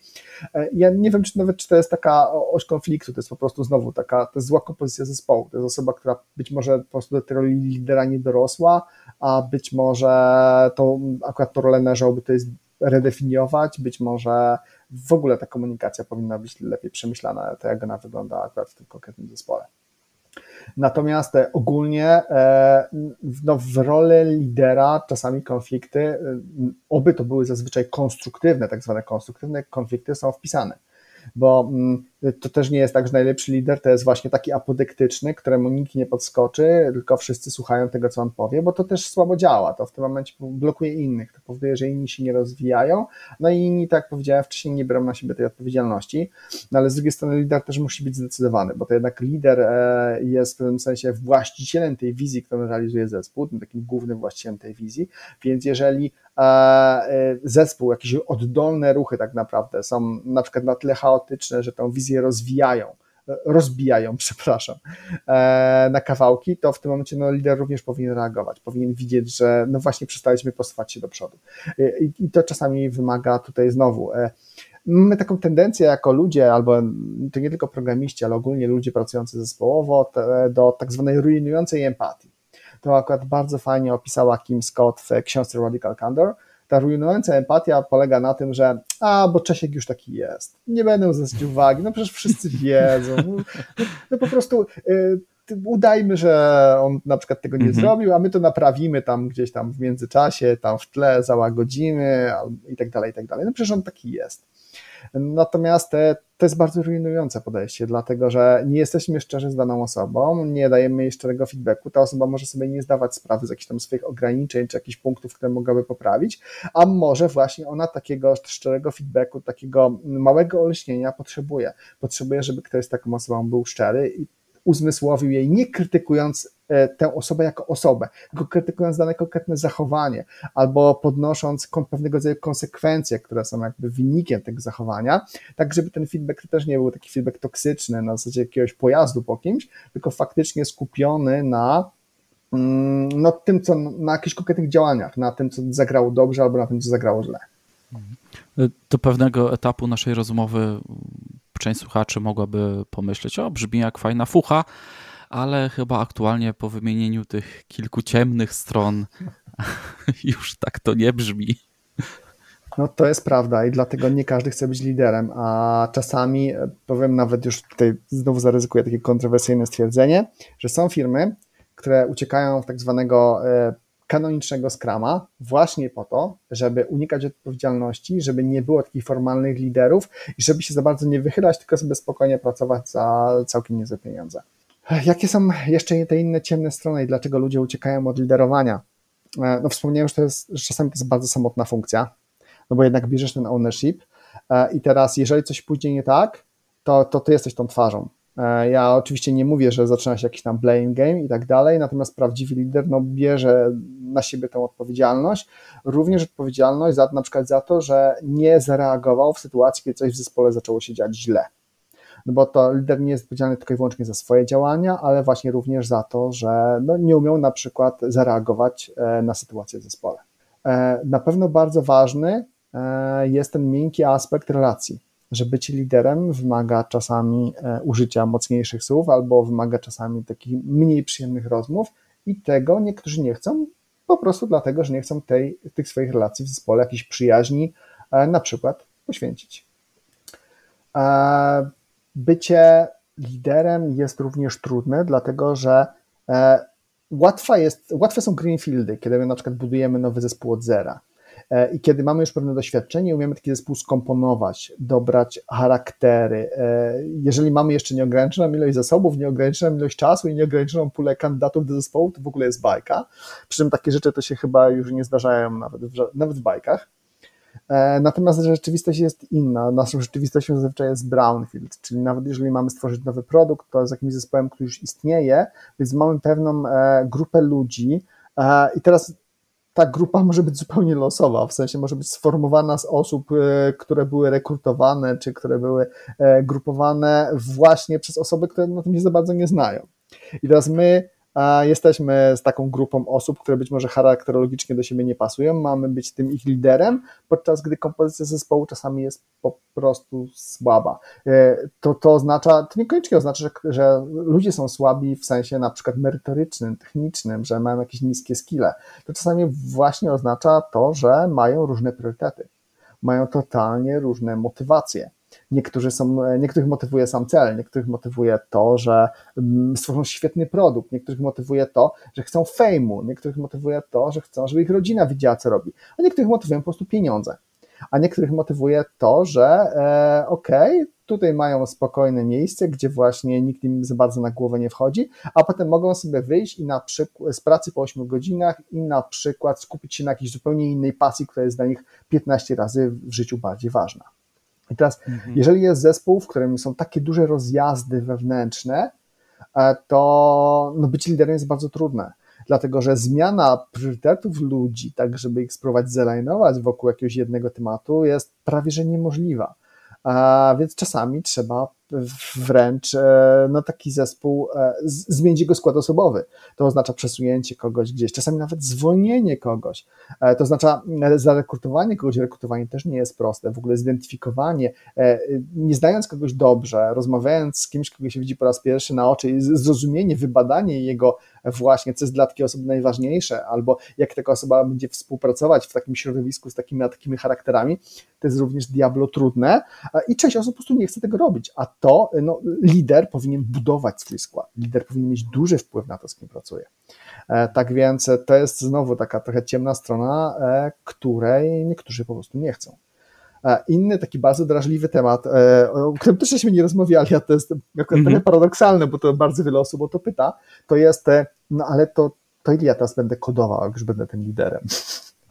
No to jest bardzo ciekawy temat, dlatego że no, praca z ludźmi wymaga właśnie tej komunikacji. Ja nie mówię, że lider to jest osoba, która siedzi na jakichś tam spotkaniach albo, albo przygotowuje nie, prezentację w PowerPoincie, chociaż tacy też są. Natomiast praca z ludźmi e, to jest czasami praca, w której e, my znacznie mniej kodujemy takiego typowego kodu, e, który potem ląduje na produkcji i funkcjonalnie coś robi, a znacznie więcej reviewujemy, Czasami e, siedzimy z kimś, robimy jakiś pair programming, czy nawet mob programming, żeby zdefiniować szkielet czegoś, żeby coś wypracować, rozrysować. Dużo brainstormów. Czasami właśnie uprawiamy TDD na zasadzie takiej, że tworzymy pewnego rodzaju interfejsy e, tylko i wyłącznie po to, żeby wspomóc ten proces designu poprzez zdefiniowanie pewnych ram, które potem ktoś inny dopiero wypełni kodem. Więc lider e, dostarcza wartość nie poprzez ten osobisty wkład, czyli konkretnie te jak dużo linii kodu zrobił, tylko poprzez właśnie bycie tym mnożnikiem dla wszystkich innych w zespole. No i to oznacza, e, że takiego zwykłego, hardkorowego, indywidualnego kodowania będzie po prostu mniej. I jest też duża grupa osób, której to po prostu nie pasuje i jakby należy to uszanować. E, jest to jakby indywidualny wybór danej osoby i jakby trzeba sobie z tego zdawać sprawę. Także tych powodów, dla których e, ludzie niekoniecznie chcą być liderami, jest całkiem sporo. Natomiast prawda jest też taka, że liderów należy mierzyć różnymi miarami. Tak powiedziałem wcześniej, to jest kwestia tego, że można być liderem formalnym i nieformalnym że można być liderem w ramach różnych wymiarów. Tam ktoś bardzo fajnie powiedział, już nie pamiętam szczerze mówiąc w jakiej książce to było, że każda e, organizacja tak naprawdę to ma w ogóle trzy struktury organizacyjne. Czy ma jakąś oficjalną strukturę organizacyjną, czyli jak to wygląda gdzieś tam rozrysowane w jakimś drzewku na prezentacjach, ma tak zwaną nieformalną, strukturę organizacyjną, czyli właśnie opartą na, to, na, na szacunku i na pewnej pozycji, które sobie dane osoby wypracowały, ale ma również strukturę organizacyjną tak zwanego dostarczania wartości, czyli w jaki sposób pra, tak naprawdę praca przepływa pomiędzy ludźmi, bo ona czasami przepływa pomiędzy zespołami w sposób, który osoba, która mm, budowała tą powiedzmy strukturę organizacyjną w ogóle nawet nie przewidywała. E, także e, generalnie organizacje dawają tak przynajmniej mi się wydaje, że dają bardzo wiele opcji bycia liderem, nawet jeżeli formalnie e, taka funkcja jak lider nie, w takiej organizacji nie istnieje, nie egzystuje. E, jest część organizacji, która w ogóle zapewnia pewnego rodzaju furtki, czyli na przykład są organizacje, w których e, jest taka formalna pozycja jak team leader, ale część organizacji takiej pozycji nie ma i ma na przykład pozycję tech lidera. I zazwyczaj ta różnica, no bo tu oczywiście nie ma jednej e, powszechnej definicji, ale ta, ta różnica zazwyczaj polega na tym, że tech lider to jest team leader, ale właśnie taki, który został jakby pozbawiony tych funkcji takich związanych z tych czysto ludzkich, takiego dawania feedbacku na co dzień w jakiejś mm -hmm. takiej formalnej formie, zarządzania zespołem od strony HR-owej, nazwijmy to wręcz, myślę, że każdy zrozumiał o co chodzi, więc e, e, wydaje mi się, że e, okay, jak najbardziej należy brać pod uwagę te indywidualne preferencje i to, że niektórzy się pewnych rzeczy boją albo nie chcą robić, ale wydaje mi się, że organizacja, sprytna organizacja powinna dostosowywać właśnie to, jak jest zorganizowana tą swoją strukturę do mocnych i słabych stron ludzi i również do ich obaw. Ostatnim punktem, jaki chciałbym poruszyć, jeśli chodzi o, o lidera, są grzechy Jakie są te największe grzechy złych liderów? No teraz nie wiem, czy powinno mówić o, o swoich, czy bardziej in general, ale to może o, tak. No, może powiedzmy bardziej in general. E, dużo było, byłoby tego. E, przede wszystkim chyba najgorszym grzechem, jaki może być, to jest takie zakochanie w samym sobie. E, czyli takie poczucie, że jestem invincible i teraz to są, nie wiem, moi ludzie, moje drony, to się przejawia w bardzo wielu różnych aspektach, bo e, począwszy od takich najbardziej przyziemnych, typu zachowywanie dla siebie jakiejś najciekawszej pracy, a skończywszy po prostu na traktowaniu e, innych ludzi w sposób no, nie fair. To przyjmuje mniej lub bardziej toksyczne formy, począwszy od braku cierpliwości, a poprzez takie skracanie skróty myślowe na zasadzie wydawania poleceń, czyli jestem słaby w sprzedawaniu swoich pomysłów, więc teraz będę wydawał wszystkim polecenia ja będę wszystkim taski, taski wystawiał w Jirze i teraz wszyscy będą po prostu te taski e, realizować e, i tyle. Nie muszą specjalnie myśleć, po prostu mamy je realizować. Mhm. E, I powiedziałbym, że to są takie grzechy, akurat tak teraz wspomniałem, które są w miarę oczywiste, w sensie każdy się gdzieś tam z nimi spotkał w jakiejś dysfunkcyjnej części swojej organizacji. Znacznie mniej oczywistym grzechem, a chyba jeszcze gorszym, to jest takie ciche przekonanie lidera co do swojej słuszności i maniera oznajmiania wszystkiego, po prostu zasypywania innych ludzi słowami.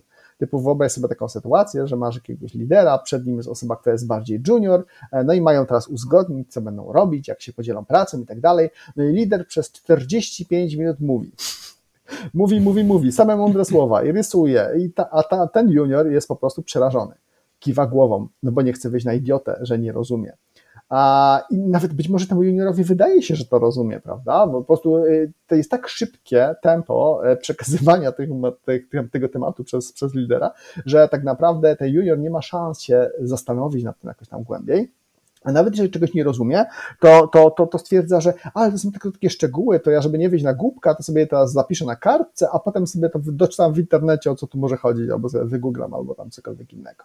No i taka rozmowa, takie oznajmianie skończy się tym, no to co, zrozumiałeś, zrozumiałaś? No i ten junior kiwa głową tak, wszyscy się rozchodzą, a potem ten junior tam siedzi, męczy się i dopiero po trzech dniach czy po pięciu dniach wychodzi, że tak naprawdę to nic nie zrozumiał, albo wydawało mu się, że zrozumiał i głupio było przyznać i tak dalej, i tak dalej, i tak dalej.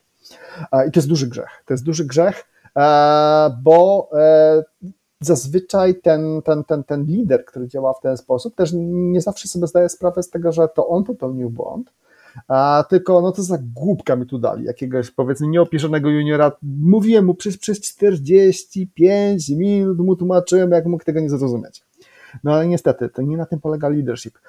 Owszem, ten e, lider pewnie powinien zacząć od przedstawienia tego całego konceptu, ale nawet jeżeli to było przedstawianie właśnie na zasadzie, że to on e, tego przedstawia w dużej mierze, to na końcu ten junior powinien to zrefrazować własnymi słowami.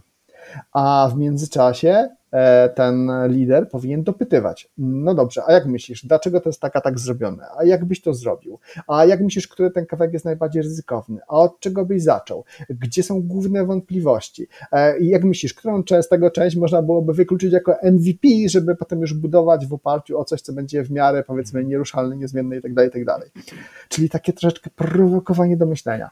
Niestety to jest trudne, więc wielu liderów tego nie robi i mają tą manierę oznajmiania. Jest gigantyczna różnica między e, wytłumaczyłem komuś, a ten ktoś zrozumiał. No bo niestety te dwie rzeczy tak naprawdę nie są tożsame, bo to wytłumaczenie niekoniecznie musi się skończyć wiedzą w głowie. Mhm. Kolejnym standardowym, bardzo popularnym grzechem lidera jest po prostu branie zbyt wiele na siebie, e, bo będzie szybciej niż gdyby miał to wam to wszystko wytłumaczyć. A, czyli e, delegowanie. Kwestia, tak, kwestia delegacji. Kwestia tego, że e, no ten lider e, czasami bierze na siebie zbyt dużo tego ownershipu i po prostu bardzo chce, żeby się wydarzyło i czasami nie docenia do końca, jak dużo musi wysiłku włożyć też we współpracę z innymi ludźmi i trochę przecenia swoje możliwości, jeżeli chodzi o to, ile czasu mu zostanie na tym, żeby popracować nad jakimiś osobami już tak bardziej jako individual contributor. A czasami to jest kwestia właśnie tej nostalgii, to jest tego, tej tęsknoty za kodowaniem. O, to jest taki fantastyczny kawałek, jak ja bym chciał na te ręce położyć, co ja bym tutaj wymyślił i tak dalej. No i to się non-stop powtarza ta sama mantra, dopóki, dopóki, dopóki nie pojawi się jakiś taki mały wstrząs. I wtedy część liderów pęka, w sensie wraca na przykład do takiej roli individual contributora, po prostu dlatego, że to sprawia mi zbyt duży fan. Są też, e, jeżeli mówimy o grzechach, no to na pewno jest takie luźne podejście do sprawiedliwości, czyli że czasami ten leadership e, nas korumpuje. E, to też się zdarza, takie ostentacyjne korzystanie ze swojego statusu. Bo ja tak powiedziałem, tak ma być, bo ja tak powiedziałem. To jest taki chyba najbardziej popularny case, który, którym się można spotkać. Na pewno dużym grzechem jest to, e, o czym wspomniałem już wcześniej, czy to nadmierna empatia, no bo Czesiek już taki jest. Czyli właśnie brak umiejętności dawania dobrego feedbacku, to też jest ogólnie temat rzeka, znowu tematnego odcinek podcastu, ale brak umiejętności dawania takiego wartościowego feedbacku, takiego, który faktycznie człowiekowi pomoże, dlatego że stawiamy wyżej nasze relacje z tą osobą. I ostatni taki grzech, który e, to być może nie każdy doświadczył na własnej skórze, ale na pewno wszyscy znają takie przypadki z mediów. To jest tak zwany scoundrel leadership, czyli taki leader water, czyli e, osoba przewrotna, która być może ma nawet świetne intencje, czyli faktycznie nie myśli tylko i wyłącznie o swoich korzyściach, ale chce e, daną firmę, czy organizację, czy projekt jak najbardziej posunąć do przodu, ale nie zawaha się przed niczym, żeby to zrobić. W sensie jest w stanie poświęcić swoich ludzi, jest w stanie e, poświęcić ich jakiś tam osobisty bilans, balans między pracą, życiem osobistym, ich e, pasje, dążenia, e, cokolwiek, właśnie dla tych, no niekoniecznie tylko swoich, ale ogólnie dla celów całego na przykład zespołu, całej organizacji i nie zawaha się zrobić zupełnie nic.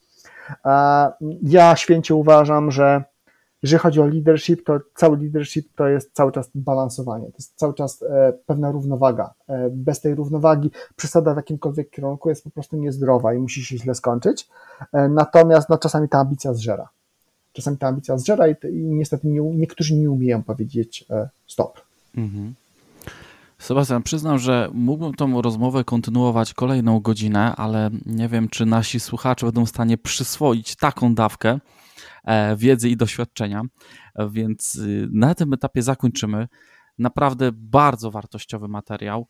E, jeśli ktoś e, chciałby ten temat zgłębić, to zachęcam, żebyście weszli na devsession.pl, bo do tego odcinka Sebastian przygotował, niech no szybko przeliczę, 9 pozycji książkowych jest polecenie serialu The Last Dance z Michaelem Jordanem, o którym już wspominaliśmy. No i jeszcze y, polecamy tutaj blog e, Sebastiana No Kill Switch, więc można temat pogłębić.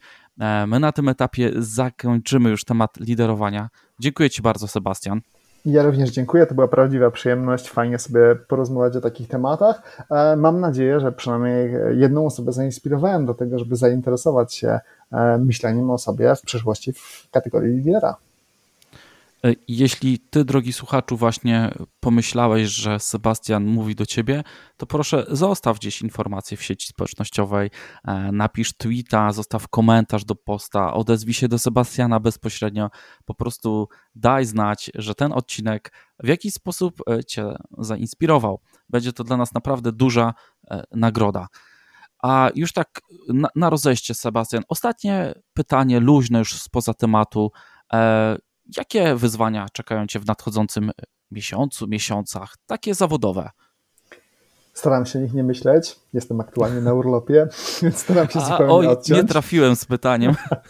Natomiast no, ja jestem akurat właśnie taką osobą, która e, no, nie może być w niebycie. W sensie cały czas musi się coś dziać, cały czas musi się coś kręcić, więc e, e, moja osobista agenda jest, jest pełna różnych ciekawych tematów i są to tematy.